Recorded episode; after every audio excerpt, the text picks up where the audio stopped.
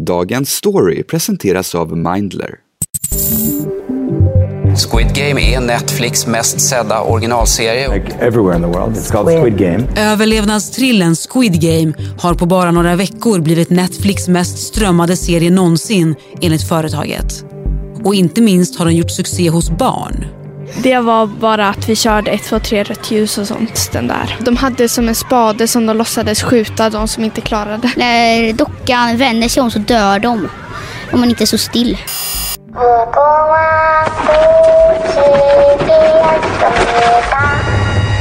På en kvart får du veta hur en sydkoreansk blodig samhällssatir kunnat flytta in på skolgårdar och varför alla snackar om den.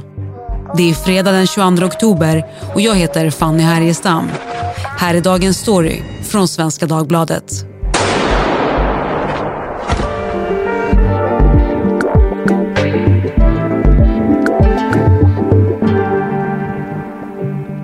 Elias Björkman, du skriver om tv-serier här på Svenska Dagbladet. Eh, idag ska vi prata om Squid Game. Vilket avsnitt ligger du på? Ja, men jag är såklart hela Squid Game. Jag vet ju vem som vinner bläckfiske-huvudtävlingen. Oh, är hela det här avsnittet som vi ska göra idag då en spoiler alert? Hela avsnittet, eh, till viss del. Vi kommer att avslöja en del av handlingen, men mm, inte försöka avslöja för mycket. Nej. Om du inte har sett klart det. Okej, ja, men det ska vi försöka att inte göra. Squid Game, alla pratar om den här serien nu. Den kan beskrivas som en dystopi om klass och pengar. Berätta Elias, vad handlar den om? Nej, men, dystopi, visserligen, oftast så tycker jag dystopi talar om någonting som kanske kommer att ske. Så här kan det se ut om, i en nära framtid. Det här är ganska mycket samtid ändå. Det handlar om ett gäng människor som alltså är skuldsatta upp över öronen. De har ju då motsvarande Kronofogden efter sig, de har banken efter sig. Och för att eh, de ser liksom ingen eh, framtid för sig själva. Och vad gör man då? Jo, man skriver över eh, motvilligt alla sina organ till en lånehaj. Men så visade det sig att det inte alls var det man gjorde utan man, man gick med på att vara med i ett eh, spel på liv och död. Men du Elias, var utspelar sig den här serien? Du har ju nämnt här Sydkorea. Ja, men det är en sydkoreansk serie och man utspelar sig i den här gigantiska huvudstaden, Seoul. Och det är på en ö utanför den sydkoreanska metropolen som seriens spel äger rum. Deltagarna är hundratals, men några få står i centrum. Seriens hjälte, Gi-Hun, spelberoende, frånskild och djupt skuldsatt. Han bor hos sin mamma som han skamlöst utnyttjar och stjäl från samtidigt som han försummar sin nioåriga dotter. Runt Gihun tar också flera andra karaktärer form. Bland annat Gihuns barndomsvän, känd som den intelligente studenten med examen från ett prestigeuniversitet. Där finns även en nordkoreansk flykting som kämpar för att också få sin familj över gränsen och en migrantarbetare från Pakistan som blivit lurad på sin lön. Och så har vi den äldre mannen som bär på en högst personlig hemlighet.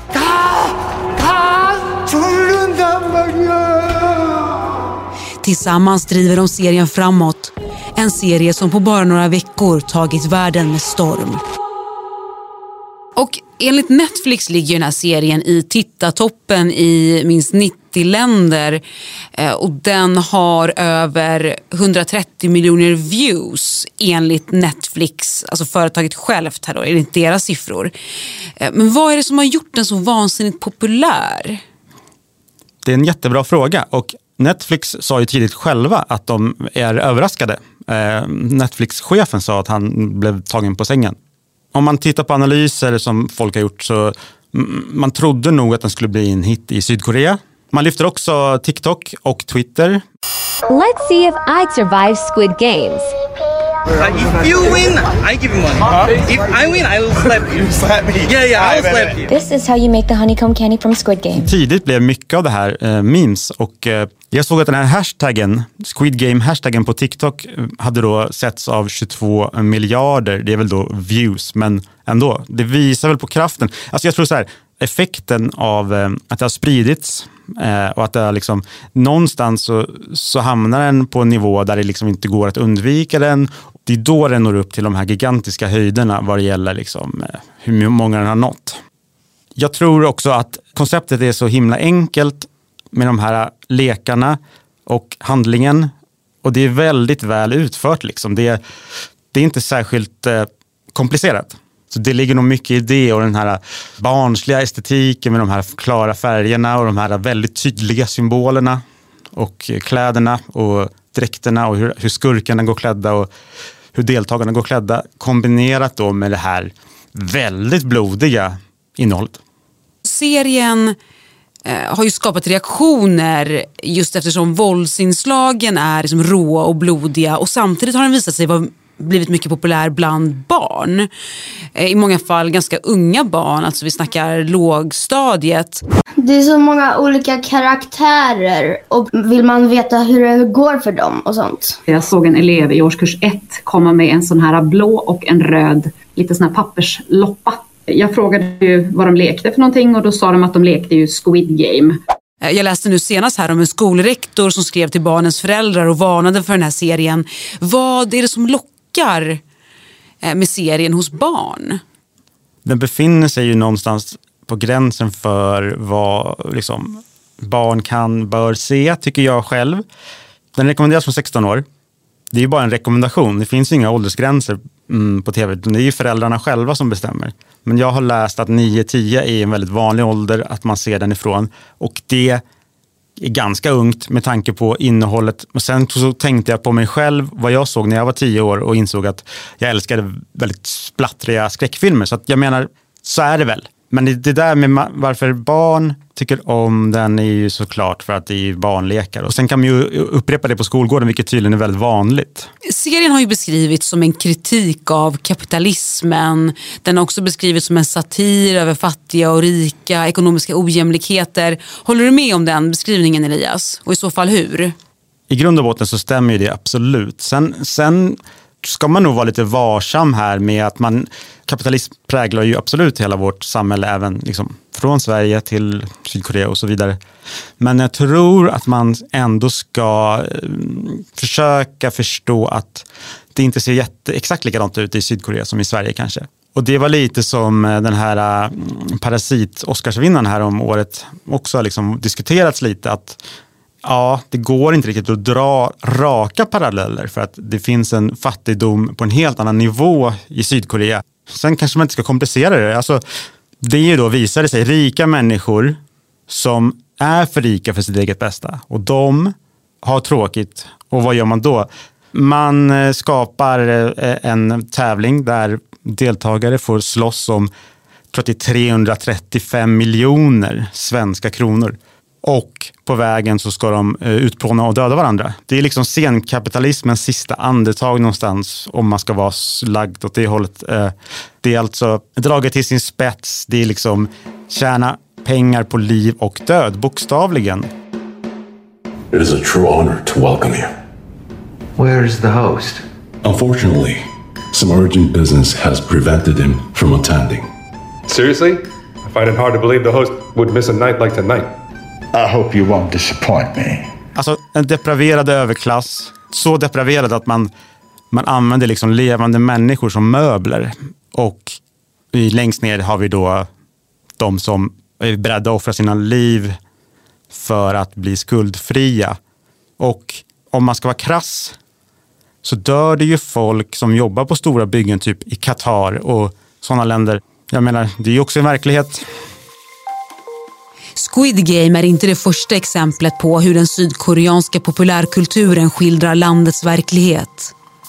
2019 kom thrillerkomedin Parasit som följer familjen Kim. En familj som lever under enkla förhållanden och nästlas in i en annan, mycket förmögen familjs liv. Dramat gjorde braksuccé globalt. Den vann Guldpalmen från filmfestivalen i Cannes 2019 och den blev den första icke-engelskspråkiga film att vinna Oscarsgalans tyngsta pris, årets bästa film, utöver tre andra Oscarsstatyetter. Parasite. Sydkoreansk filmproduktion är bara en del av det som döps till K-wave, en koreansk våg av populärkultur. Från 90-talet och framåt spred den sig först regionalt för att sen bli global till stor del tack vare sociala medier. Mest känd är kanske musikgenren K-pop. Med enkla melodier, dansanta låtar och välproducerade musikvideor med framgångsrika grupper som BTS och Blackpink. Och den sydkoreanska vågens stora genomslag har inte bara fått kulturell betydelse utan också politiska efterverkningar. I det kommuniststyrda grannlandet Nordkorea är det numera straffbart att konsumera sydkoreansk populärkultur. They're officially prohibited in North Korea along with the internet. Instead, there's a diet of government propaganda and Stalinist entertainment. Mm, eh, Nordkoreaner får inte se Netflix. Men nordkoreanska ledare har ändå uttalat sig om serien. Man vänder ju då på det, eller liksom, det här är, det är ett bevis, blivit bevis på att kapitalism inte fungerar. Vilket väl är lite ironiskt. Men apropå K-pop så har också Kim Jong-Un tidigare i år tydligen kallat det för en elakartad tumör som också letat sig in i Nordkorea. Det är väl det här ett kulturkrig på en annan nivå än det vi ser i Sverige kanske. Serien har ju fått kritik också, en ganska oväntad sån. Vad då för kritik? Ja, men tydligen så är den ju för populär. Sydkoreanska internetleverantörer tycker att de ska få ersättning av Netflix i och med liksom de här ökade kostnaderna som har uppstått med den här gigantiska succén. En representant för Netflix säger till tv-kanalen CNBC att vi kommer att se över kravet som SK Broadband har lämnat in mot oss. Det är en historia där med ett visitkort i filmen som har blivit väldigt uppmärksammad. Berätta Elias. Visitkorten är ju centrala i serien. Det är de som bjuder in dig till spelet. Har du fått det så kan du ringa ett nummer och då välja att medverka eller inte. Men problemet var att i originalupplagan av serien, så om du ringde det numret som man såg på visitkortet, då hamnade du hos en sydkoreansk kvinna som jag förstår det som. Och det gjorde då över 4 000 personer. Och sen dess har Netflix faktiskt gått in och ändrat så telefonnumret är bara sex siffror nu tror jag. Det var åtta från början. Men du Elias, eh, att den här serien har blivit en sån succé, kommer vi nu få se andra serieskapare försöka apa efter den här nu? Där får man kanske titta lite historiskt och titta på den kritik som har förts fram mot den här serien som lånar, absolut friskt, från Battle Royale och eh, Alltså, det kom en film 2014 om en skolklass som utsätts för dödliga spel. Det är väl helt naturligt att inspireras och det är inte unikt. Jag tycker vi kan backa till 80-talet och The Running Man, om du kommer ihåg den. Det gör jag faktiskt inte. Det är, det är en actionfilm med Arnold Schwarzenegger efter en bok av Stephen King. Och man tävlar i ett sorts realityprogram på liv och död. Varför inte bara tillbaka till 1930-talet och den här filmen där eh, en rik, depriverad person eh, använder människor som jaktdjur. Och den filmen gjordes om här om året. Det är en ny version. Det här liksom organiska går ju sällan att upprepa. Om man gör så utstuderat en version av det här som man försöker sno idén, då brukar det sällan landa. Liksom. Det, jag tror det snarare handlar nu om när Netflix ska meddela att säsong två kommer, vilket de kommer att göra garanterat. Men de har faktiskt inte sagt något än. Jag tänkte just komma till det. Det ryktas om den här säsong två. Kommer den? Den kommer. Jag, jag, är beredd att sätta, jag är beredd att delta i ett spel om, om detta. Du är beredd att delta i ett nytt poddavsnitt om säsong två? Det också. Tack Elias Björkman för att du var med i Dagens Story. Tack snälla. Har du känt att du har svårt att prata om hur du mår eller inte riktigt vet var du ska vända dig? Det kan handla om stress, ångest eller andra psykiska besvär. Mindler kan hjälpa dig. I appen kan du träffa en psykolog via videosamtal och få tillgång till Mindlers självhjälpsprogram där du får övningar som du kan utföra på egen hand eller tillsammans med en psykolog. Med Mindler slipper du långa väntetider och garanteras en tid med en psykolog inom 24 timmar. Ett besök kostar 100 kronor. En liten investering för något väldigt viktigt. Din psykiska hälsa. Vi som gjorde programmet idag är producent Gabriella Lahti, redaktör Teresa Stenler von Matern och jag heter Fanny Härgestam. Du har lyssnat på Dagens story från Svenska Dagbladet. Vill du kontakta oss så mejla till dagensstory.svd.se.